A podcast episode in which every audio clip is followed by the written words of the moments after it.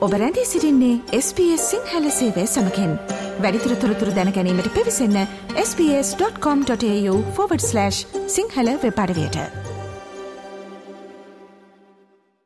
SBS ගුවන් විතිලිය ප්‍රවෘත්ති කාලීන සිදුවීම් සහත්තෝරතුරු ඔබ වෙත සමීප කරවයි. සම්බන්ධ වන්න SBS සිංහල ගුවන් විතිලිය සමඟ. මේ ගෙවිල එන සතියේ ලංකාවේ දේශපාලනය පිළිබඳව අවධානය යොමු කරන වෙලාව එහෙමනම් දැන් අපි මෙතැන් සිට ලබා ගන්නවා. සතියේ ශ්‍රී ලාංකීය දේශපාලනික පුවත් විග්‍රහයයි දැන් අපි පුරුදු පරිදි මේ ආරම්භ කරන්නේ.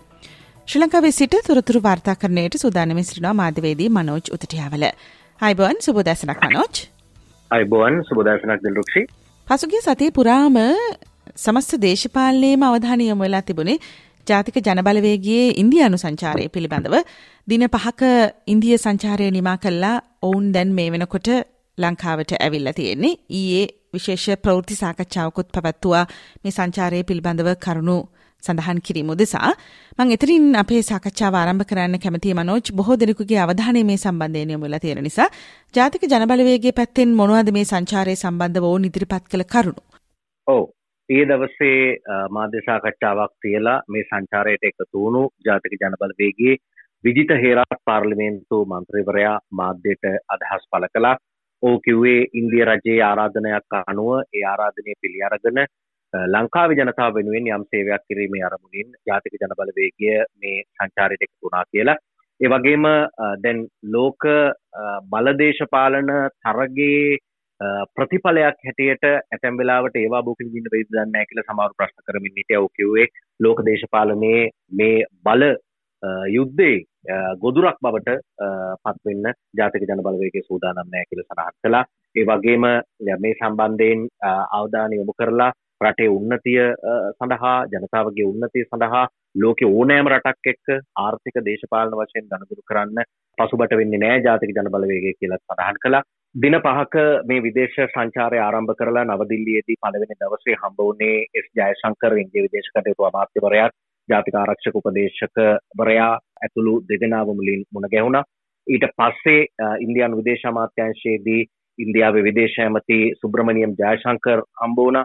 ඊට පස්සේ ශ්‍රී ලංකාවේ ආර්ථික සහ දේශපාලන තත්ත්වය පිළිබඳව ශ්‍රී ලංකාවේ දේශපාලන අනාගතය පිළිබඳව මෙහිදී දීර්ඝ වශයෙන් සාකච්ඡා කරන්න ලැබුණු බව වාර්තා වුණා සහ ඔවුන් සඳහන් කළා. ඒත් එකම දෙපාර්ශවය අතර අන්‍යෝන්‍ය සහයෝගිතාව ශක්තිමත් කිරීම පිළිබඳවත් ඔවුන් අවධානය යොමු කරලා තිබුණා.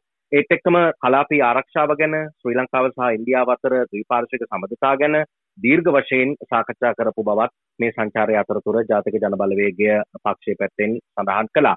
ඒත් එක්කම ජනතා විමුක්ති පෙරමුණේ අවුරුදු 60කට ආසන්න කාලයක් ඇතුළේ ශ්‍රී ලංකා දේශපාලන ක්ෂේත්‍රයේ ඉන්නවා වගේම ඉදිරි කාලයේදී ඔවුන් බලය ලැබුණොත් ආර්ථිකමය වශයෙන් කටයුතු කරන ආකාරය පිළිබඳව කතා කරා වගේම කෘෂිකාර්මික ක්ෂේත්‍රයේ ව්‍යාපාර කිහිපයක් නිරීක්ෂණය කරන්නත් මේ කණ්ඩායම් එකතු වෙලා තිබුණා. ඒ අනුව තමයි ඔවුන් සඳහන් කරලා තිබුණේ ඉදිරියේදී ඔවුන්ගේ විදේශ ප්‍රතිපත්තිය කොයි ආකාරයෙන්ද ක්‍රියාත්මක කරන්න කියලා විශේෂයෙන්ම ඉන්දියාව මේ සංචාරය ඔවුන් බලාපොරොත්තු වුණු අරමුණුත් එක්ක කතා කරනකොට ඒ අතරින් කොළඹ කේන්ද්‍ර කරගත්තු පර්යේෂණ ආයතනයක් වන සෞඛ්‍ය ප්‍රතිපත්ති පිළිබඳ ආයතනය සිද්ධ කරපු සමීක්ෂණයක ප්‍රතිඵලයක් අනුව ඉදිරි ජනාධිපතිවරණයකදී වඩා කැමතිම අපේක්ෂකයා අනුකුමාර දිසානායක ජනාධිපති අපේක්ෂකයා විය හැකි කියන මේ පර්යේෂණ වාර්තාව පදනම් කරගෙන මේ සංචාරයට ඉන්දියාව ආරාධනා කරා කියන කාරණයක් ඒ අතර කියවෙන බව සඳහන් කරන්න පුළුවන්. හොඳයි. ජාතික ජනබලවේගේ ඊයේ පවත්වපු ප්‍රවෘත්ති සාකච්ඡාවේදී විජිත හේරත්ත මන්ත්‍රීවරයා පළ කරපු අදහස් වලින් කොටසක් මේ. තුව දසකේ ලංකාවට ඉන්දියාවේ ඍජු මැදිහත්වීමක් තිබුණා. ඒ දේශපාලන තත්ත්වය අද සම්පූර්ණ වෙනස් වෙලා තියෙනවා. අපේ පාලනයක් යටතේ අපි තාම පැහැදිලිව විවෘතව කියනවා අපි ලෝකයේ තියෙන හැම රාජ්‍යයක් එක්කම ඒ ඒ ආර්ථික දේශපාලන තත්ත්වයට සාපේක්ෂව අපි සම්බන්ධතා පවත්වනවා. ඔබ දන්නවා අපේ රටේ මේ වෙනකොට ආර්ථිකයේ තුල බොහෝ අපේ රාජ්‍ය ආයතනයන් විකුණන්න එහෙම නැත්නම් පුද්ගලීකරණය කරන්න දැන් කටයුතු කරමින් තියෙනවා. ඉතින් අපි තා පැහැදිලිව අපේ විදිස ප්‍රතිපත්ති අපි උන්ට කිව්වා ලෝකෙ වෙනස් වෙලා කලාප ජාත්‍යන්තර්ජාලීය දේශපාලනයත් වෙනස් වෙලා ඒකට අනුව අපිත් දේශපාලන ව්‍යාපාරයක් විදිහට අපි වෙනස් වෙලා තියෙනවා. අපි ඉන්දියාවේ අමුල් සමාගමත් එක්ක සාකච්ඡා කරා. ඒ අමුල් සමාගමට අපි තා පැහැදිලිව කරුණු දැක්වුවා. මෙතන කිසිදු ප්‍රසම්පාදන ක්‍රියාවලියක් වෙලා නැහැ. ටෙන්ඩර් පටිපාටියක් නැහැ. අඩුම ගානේ ඉන්දියාවේවත් ඉන්දියාව ඇතුළේවත් මෙහෙම ටෙන්ඩර් පටිපාටියක් යදුවා. ඒක උන් කිව්වා එහෙම එකක් නැහැ. ඒක අපිට ප්‍රධාන ප්‍රශ්නේ තියෙන්නේ එතන. ඒගොල්ලන්ගේ පැත්තෙන් කිව්වේ ශ්‍රී ලංකාවේ ආණ්ඩුව තමයි ඒක කරන්න ඕනි. අපි ආණ්ඩුවත් එක්ක ගනුදෙනු කරන්නේ. ආණ්ඩුව නොකරපු එක වැරද්ද අපිට බාර ගන්න බෑ කියලා. සුළම් බලයෙන් උත්පාදනය කරන ව්‍යාපෘතිය පිළිබඳව උන් කිව්වා. ඔවුන් මිලදී ගන්නේ ඒකකයක් ඩොලර් 3.5 ශ්‍රී ලංකාවේ ආණ්ඩුව පහුගිය දවස්වල සුළම් බලයේ උත්පාදනය ඒ යුසුම් මස්සම් කරන්න කතා කරලා තිබුණේ ඩොලර් 7.5ක. මෙතන ලොකු වෙනසක් තියෙනවා. මේක තමයි සිද්ධ වෙන වැරද්ද. ඉන්දියාවේ ගමන ගිහිල්ලා එක් එක ආයතන පිළිබඳව නිරීක්ෂණය කරා. ඇමතිවරු මුණ ගැහුණා. ඒ මුණ ගැහුව පමණින් ඒ සියල්ලම අපි එම්ම gediya පිටින් මෙහි ක්‍රියාත්මක කරනවා කියලා එහෙම එකක් නැහැ. දැන් මනෝජ් ඔබ කලින් සඳහන් කරපු අර පර්යේෂණ වාර්තාවේ තොරතුරු සම්බන්ධව විවිධ මත විවිධ පක්ෂවලින් අපිට අහන්නට ලැබුණා ශ්‍රී ලංකා නිදහස් පක්ෂය ආණ්ඩු පක්ෂය කියන්නේ පොහොට්ටු පක්ෂය ඒ විතරක් නෙමේ විපක්ෂය සජබෙනුත් නොයෙකුත් ආකාරයේ ප්‍රතිචාර මීට ලැබුණා. අපි දන්නවා දැන් ජනතා විමුක්ති පෙරමුණේ තිබුණු ඉන්දීය විරෝධී ප්‍රතිපත්ති මීට කලින්. දැන් එතකොට ඒ සියල්ලක්ම පිළිබඳවම අනිත් පක්ෂවලින් ලැබුණු ප්‍රතිචාර මොනවද? සහ ඇත්තටම මේ ජාතික ජනබලවේගයට ඉන්දියාව ආරාධනා කළේ මොන වගේ යටිපෙළ අරමුණු ඇතුවද කියන කාරණාව සම්බන්ධයෙන් විවිධ මත අපිට අහන්නට ලැබුණා. මම කැමති ප්‍රධාන පක්ෂවල මේ සම්බන්ධයෙන් දක්වපු ප්‍රතිචාර පිළිබඳව දැනගන්න මීළඟට. ඔව්. ඒ කියන්නේ ජාතික ජනබලවේගයට කලින් ජනතා විමුක්ති පෙරමුණ විදියට ඉන්දියානු ව්‍යාප්තවාදය පිළිබඳව පළ කරපු අදහස් ඔය කලින් අහසින් ජනතාවට ආධාර බෙදාදීම හාල් දාපුවා පරිප්පු දාපු සිද්ධි පිළිබඳව ආයමත් සමාජය අවධානය යොමු කරලා තිබුණා වගේම මේ මාධ්‍ය හමුවේදීත් විජිත හේරත් පාර්ලිමේන්තු මන්ත්‍රීවරයා සඳහන් කරලා තිබුණා ලෝක දේශපාලනයට අනුව රටට ආර්ථිකයට යම් සහනයක් ලබා ගන්න සහයෝගයක් ලබා ගන්න අවශ්‍ය නම් ඒ අනුව වෙනස් වෙන්න දේශපාලන පක්ෂයක් විදිහට සූදානම් නමුත් ඔවුන්ගේ වටපිටාව ඇතුළේ කියලා. අපි දැක්ක සමගි ජන බලවේගය පැත්තෙන් කියලා තිබුණා මේ සංචාරය ජාතික ජනබලවේගය ඔවුන් ඉල්ලලා ගිය සංචාරයක් ඉන්දියාවෙන් කතා කරලා ගිය සංචාරයක් බවට තොරතුරු තියෙනවා කියලත් සමහර දේශපාලනඥයින් සඳහන් කරලා තිබුණා. ඒත් එක්කම උරුමය ඔප්පු ප්‍රදානය දඹුල්ලේදී පැවැත්වෙච්ච අවස්ථාවේ ජනාධිපතිතුමා ඇතුළු ජනාධිපති කාර්ය මණ්ඩල ප්‍රධානී ඇතුළු කණ්ඩායම් මේ සාකච්ඡාව පිළිබඳව අදහස් යොමු කරලා තිබෙනවා. එහිදී ජනාධිපති තුමත් මේ පිළිබඳව ඔහු දන්න අතොරතුරු පිළිබඳව කරුණු කාරණා කතා කරපු බව ඇමරිකානු තානාපති කාර්යාලයේ මේ සාකච්ඡාව එකන මේ හමුව සඳහා මග සකස් කරපු බව ඒත් එක්කම ජාතික ජනබලවේගයට අනෙකුත් තානාපතිවරුන් ඇතුළු විදේශ නියෝජිතයින් කීප දෙනෙක් හමු වෙන්නත් ඇමරිකානු තානාපතිනිය යම් කියන්නේ මග විවර කිරීමක් පාර කැපීමක් සිද්ධ කරලා තියෙන බව තොරතුරු දන්නවායි කියලා ජනාධිපතිතුමා සඳහන් කරපු බව මාධ්‍ය වාර්තාත් පළ වුණා මේ දඹුල්ලේදී පැවැත්වෙච්ච උත්සවයේදී. එතකොට පාර්ලිමේන්තුවේදීත් මේ පිළිබඳව ආණ්ඩු පක්ෂීය මන්ත්‍රීවරුන් සඳහන් කරා ඉන්දියාව ගැන මෙතනින් එහාට කොහොමද ජාතික ජනබලවේගය කතා කරන්න වගේ ප්‍රශ්න ඔවුන් මතු කරා. විවිධ අය විවිධ අදහස් පළ කළා. ඒවට ප්‍රතිචාර වශයෙන් තමයි ඊයේ දවසේ මාධ්‍ය හමුවක් පවත්වලා ඔවුන්ගේ මේ ගමන ගැන ජාතික ජනබලවේගය රටටයි ජනතාවටයි තොරතුරු කියන්න කටයුතු කළේ. දැන් ජාතික ජනබලවේගයේ මේ ඉන්දිය සංචාරයත් එක්කම අපිට දකින්නට ලැබෙන තවත් අනෙකුත් පක්ෂවල නියෝජිතයනුත් ඉන්දිය සංචාරවලට යොමු වීමේ ප්‍රවණතාවක්. මේවා ඇතැම් විට පෞද්ගලික සංචාර විදිහට සංවිධානය වුණාට එහෙට ගිහිල්ලා රජයට සම්බන්ධයම් නියෝජිතයෙන් හමුව සාකච්ඡාව සිදු කරන අයුරුත් අපිට දැක ගන්නට ලැබුණ. ඉන්දියාවට යන්න ඉන්න අය පිළිබඳවත් දැනගන්න කැමති මේ ජාතික ජනබලවේගේ සංචාරයෙන් පස්සේ කවුද ඉන්දියාවට යන්න ඉන්නේ මීළඟ පිරිස කියලත් තොරතුරු දැනගන්න කැමති. ඔව් මෛත්‍රීපාල සිරිසේන ජනාධිපතිතුමා හිටපු ජනාධිපතිතුමා ඉදිරියේදී ඉන්දිය සංචාරයකට සූදානම් වෙනවා කියලා තොරතුරු වාර්තා වෙනවා. ඊට පස්සේ ඇමරිකානු සංචාරයකට සහභාගී වෙන්න සූදානම් කියලා ඒත් එක්කම තොරතුරු තිබුණා. ඒ වගේම හරින් ප්‍රනාන්දු සංචාරක අමාත්‍යවරයා මුම්බායි ආශ්‍රිතව පැවැත්වෙන ප්‍රදර්ශනයකට සහභාගී වෙන්න ඉන්දියාව බලා පිටත් වෙලා තිබුණා මේ අතරතුර ජාතික ජන බලවේග කණ්ඩායම් ඉන්දියාවින් අතරතුර ඒත් එක්කම අලුතින් නිදිවුණු නව කෝවිලක වතාවත් සඳහා නාමල් රාජපක්ෂ මන්ත්‍රීවරයාත් ඉන්දියාවට ගිහිල්ලා තිබුණ මේ කාලය ඇතුළත. එතකොට නාමල් රාජපක්ෂ මන්ත්‍රීවරයා අරින්ත්‍රාන්ත දෙමතිවරයා මේ කාලය ඇතුළේ ඉන්දියාවේ හිටියා වගේම ඉදිරියේදී මෛත්‍රීපාල සිරිසේන හිටපු ජනාධිපතිවරයාට ඉන්දියාවට යන්න ඇරයුම් තියෙනවා කියලා වාර්තා වෙනවා.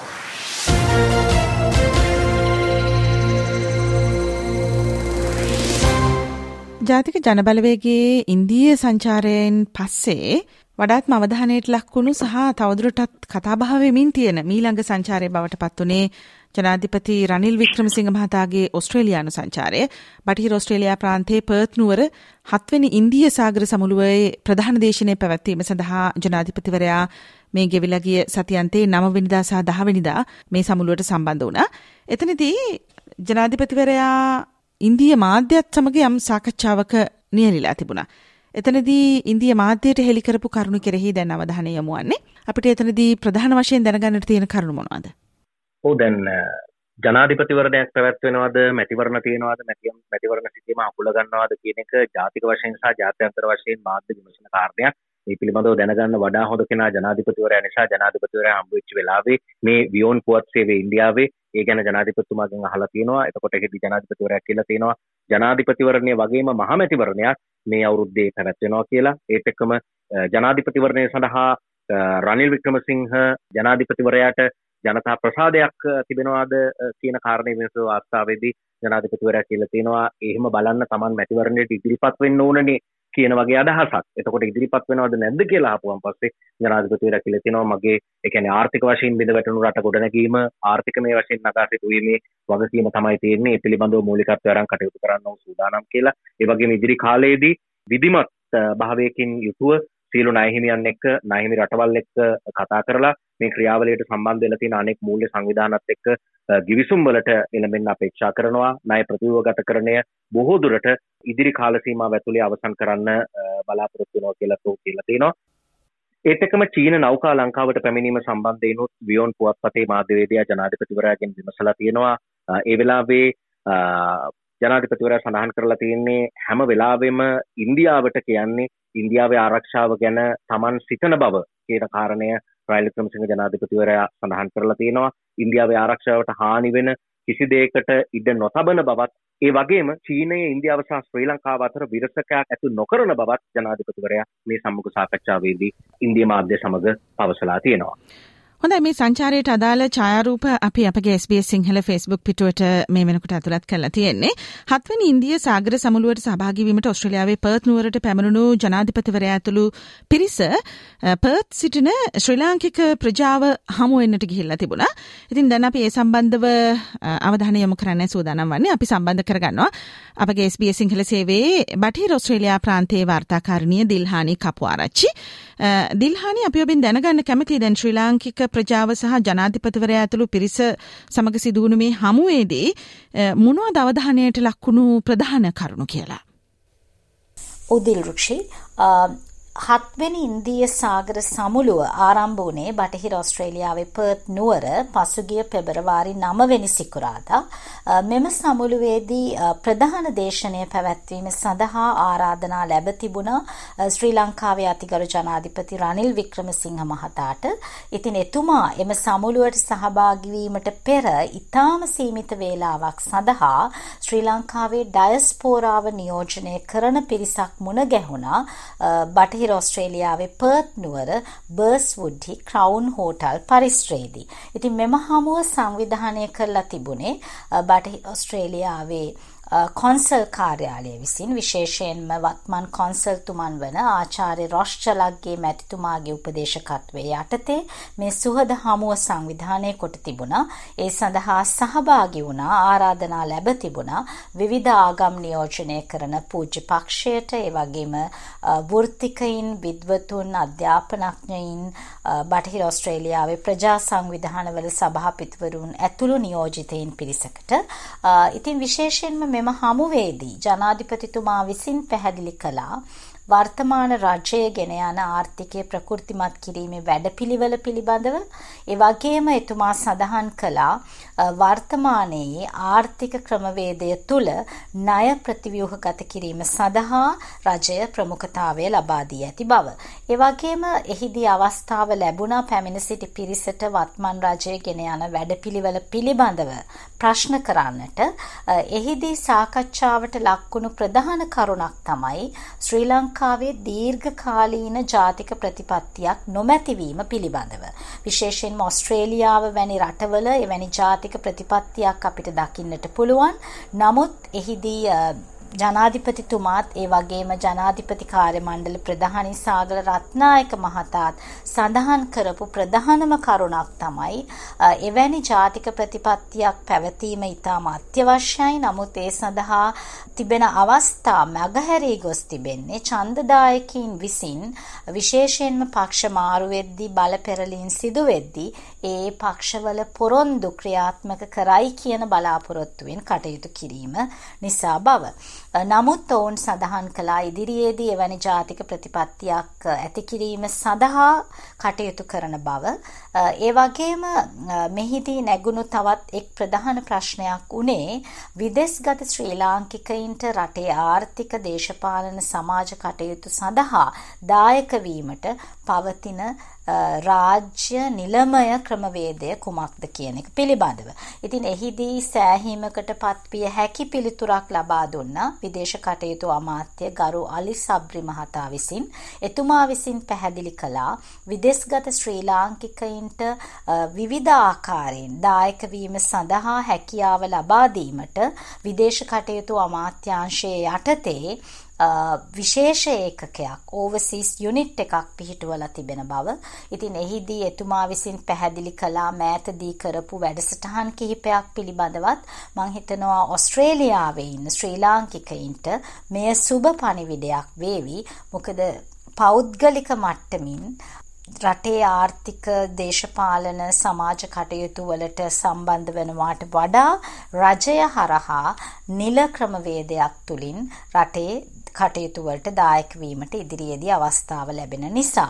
ඒ වගේම ජනාධිපතිතුමාත් විදේශ කටයුතු අමාත්‍යවරයාත් එවැගේම සාගල රත්නායක මහතාත් පොරොන්දු වුණා ඉදිරියේදී කොන්සල් කාර්යාල හරහා මේ පිළිබඳව මේ ඒකකය පිළිබඳව පුළුල් දැනුවත් කිරීමක් කරන බවට. ඒ වගේම පැමිණ සිටි විද්වතුන් කැමැත්ත පළ කළා සංචාරක කර්මාන්තය නගා සිටුවන්න ඒ වගේම දේශගුණික විපර්යාස වලින් ඇතිවන ඍණාත්මක බලපෑම් අවම කිරීම සඳහා උපරිම සහාය ලබා දීමට කැමැති බව. ඉතින් ඉතින් ජනාධිපතිවරයා විශේෂයෙන්ම සඳහන් කළා බටහිර ඔස්ට්‍රේලියාවේ ප්‍රාන්ත අගමැති රොජර් කුක් මහතා සමග පවත්වපු සාකච්ඡාවේදීත් පුනර්ජීව බලශක්ති සඳහා ආයෝජනය කිරීම පිළිබඳව පුළුල්ව සාකච්ඡා කරපු බවත් ඒ වගේම පර්ත් නගරයේ සිට ශ්‍රී ලංකාව සඳහා ඍජු ගුවන් සේවාවක් ආරම්භීම පිළිබඳව පුළුල්ව සාකච්ඡා කරපු බවත්. ඒ වගේම වර්තමාන අධ්‍යාපන ක්‍රමය ලංකාවේ ප්‍රායෝගිකකරණයට ලක්විය යුතු බව ඉංග්‍රීසි භාෂාව සඳහා ප්‍රමුඛතාවයේ අධ්‍යාපන වැඩසටහන් තුළ ලබා දිය යුතු බවත් මෙහිදී සාකච්ඡාවට ලක් කෙරුණා. ඒ වගේම යාපනය ඇතුළු උතුරු ප්‍රදේශවල සංවර්ධන කටයුතු පුළුල් කිරීම සඳහා ජනාධිපතිතුමා විසින් ඔස්ට්‍රේලියාවේ ප්‍රජාවට විවෘත ආරාධනයක් කළා. ඒ වගේම විශේෂයෙන්ම උතුරු ප්‍රදේශයේ තරුණ පරපුර මේ වන විට මුහුණ දෙන ප්‍රධාන ගැටලුවක් විදිහට මත්පැන් සහ මත්ද්‍රව්‍ය වලට ඔවුන් ඇබ්බැහි වී තිබීම ඒ වගේම එයින් ගලවා ගැනීම සඳහා රජය ගෙන යන වැඩපිළිවෙල පිළිබඳවත් කෙටි පැහැදිලි කිරීමක් කරා. ඉතින් මේ ආකාරයෙන් ඊටාම සීමිත කාල සීමාවක් තුල ජාතික වැදගත්කමක් ඇති කරුණු පිළිබඳව කෙටියෙන් නමුත් අර්ථාන්විත ලෙස සාකච්ඡා කිරීමට හැකි වූ බව තමයි මගේ පෞද්ගලික මතය. ඉතින් බොහොමත්ම ස්තුතියි දිල්රුෂි අද දවසේ අපව සම්බන්ධ කරගත්තට.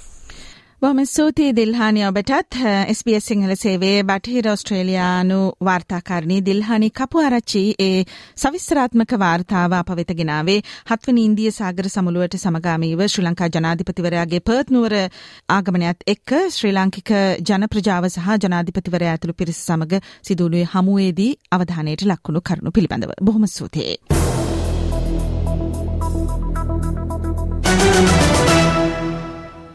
ශ්‍රී ලංකා ජනාධිපති රනිල් වික්‍රමසිංහ මහතාගේ ඔස්ට්‍රේලියානු සංචාරය පිළිබඳව සාකච්ඡා කරද්දී මීට කලින් මනෝජ් ඔබ සඳහන් කිරීමක් කළා. ඉන්දිය මාධ්‍ය විමසපු කරුණු පිළිබඳව තොරතුරු සඳහන් කිරීමේදී මේ ශ්‍රී ලංකාවේ මැතිවරණ පිළිබඳව ජනාධිපතිවරයාගේ අදහස් පළ කිරීම පිළිබඳව දැන් මැතිවරණ පිළිබඳව කතා බහ කරද්දී යලිත් දැන් යළිත් අපිට අහන්නට ලැබෙන මේ විධායක ජනාධිපති ක්‍රමය පිළිබඳව. මේක අහෝසි කිරීම පිළිබඳව අපි දන්නවනේ මේක අර දියට ඔබපු රබර් බෝලේ වගේ විටින් විට කාලෙන් කාලෙට කතාබහ වෙන ප්‍රමුඛ මාතෘකාවක් බවට පත් වෙනවා.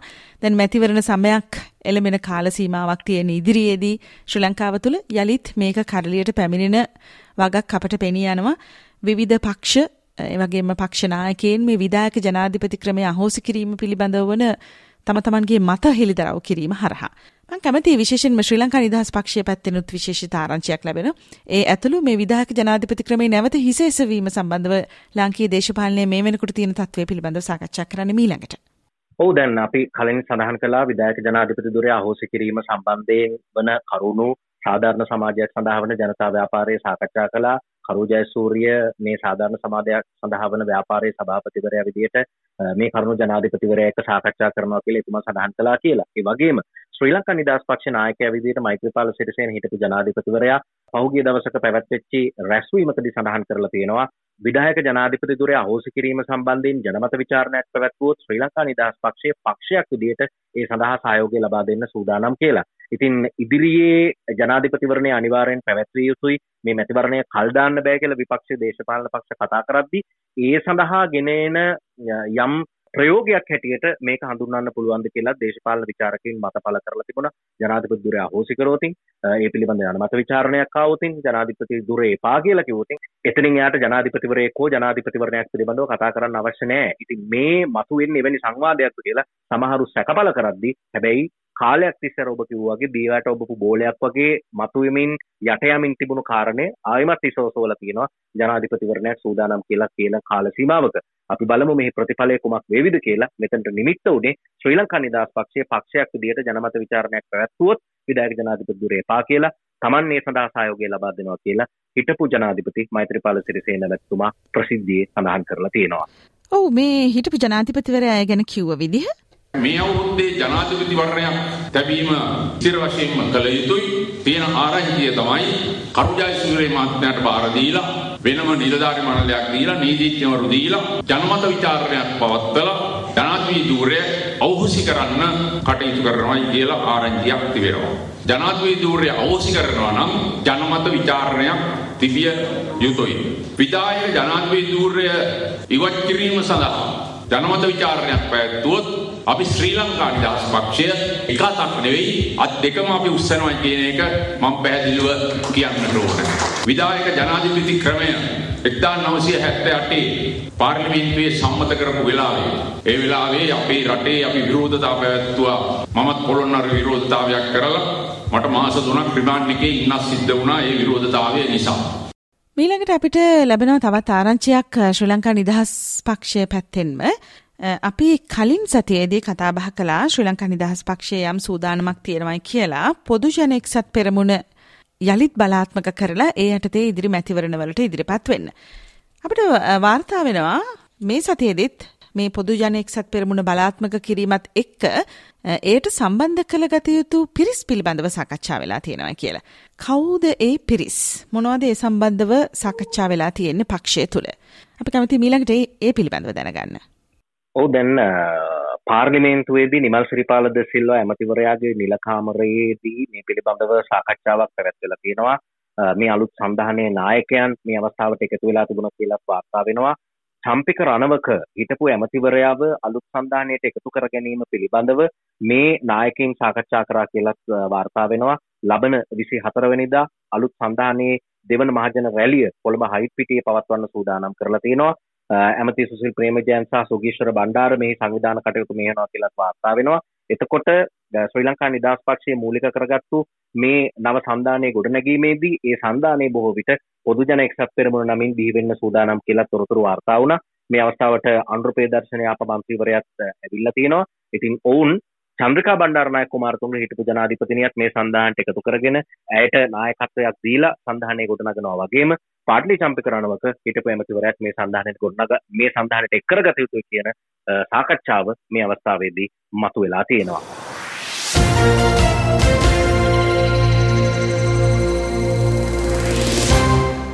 මේ දෙදහස් විසි හතර වසර ශ්‍රී ලංකාවේ මැතිවරණ වර්ෂයක් වගට ජනාධිපතිවරයා විටින් විට අවස්ථා කීපයකදීම සඳහන් කිරීමක් කළා. ඔහු ටිකක් අනුපිළිවෙලත් සඳහන් කිරීමක් කළා අවස්ථා කීපයකදීම මුලින්ම ජනාධිපතිවරණේ තියෙනවා ඊට පස්සේ මහමැතිවරණේ තියෙනවා ඊට පස්සේ පළාත් සභා මැතිවරණේ තියෙනවා මේ විදිහට.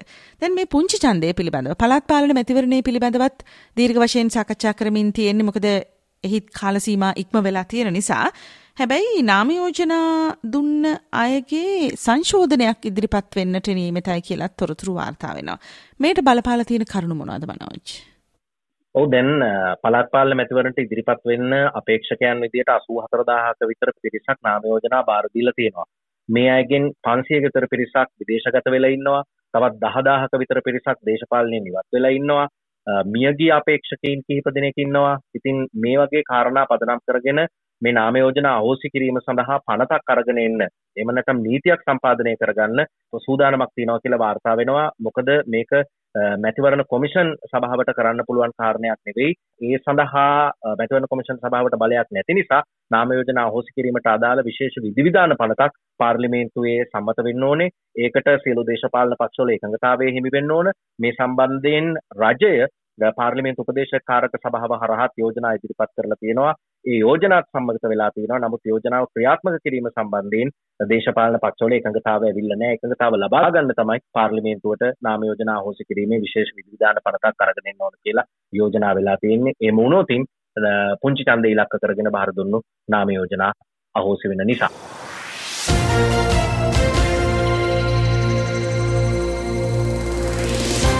ඒ අතරතුරේදී අපිට වාර්තා වෙනවා සජබේ පැත්තෙනුත් යම් යම් කරුණු කාරණා විශේෂයෙන්ම සරත් ෆොන්සේකා മന്ത്രിවරයා සම්බන්ධව සජබේ තුලින්ම යම් අප්‍රසාදයක් මතුවෙමින් එන වගට තමයි මේ තොරතුරු අනාවරණය වෙමින් තියෙන්නේ.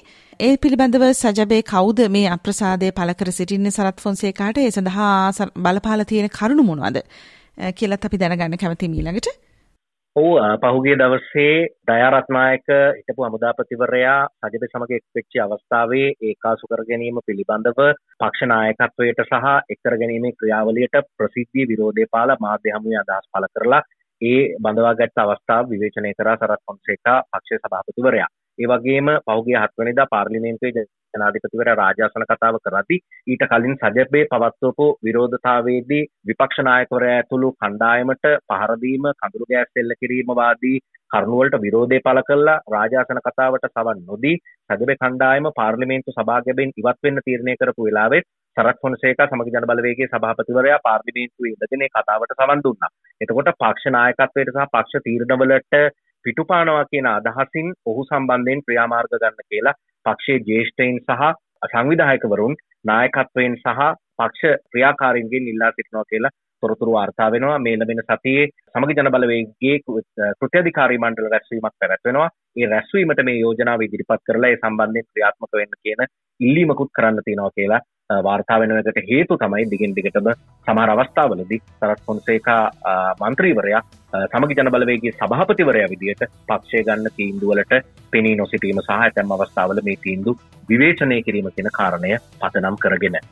හොඳයි මනෝජ් එහෙමනම් සූතිය පළ කරමින් අපි සමු දෙනවා එහෙමනම් යළිත් අපි ඔබ බලාපොරොත්තු වෙනවා හෙට මවබිමෙන් පුවත් විශේෂංගේදී. එතෙක් අයිබෝන් අයිබෝන් දිල්රුක්ෂි බොම සූතියි.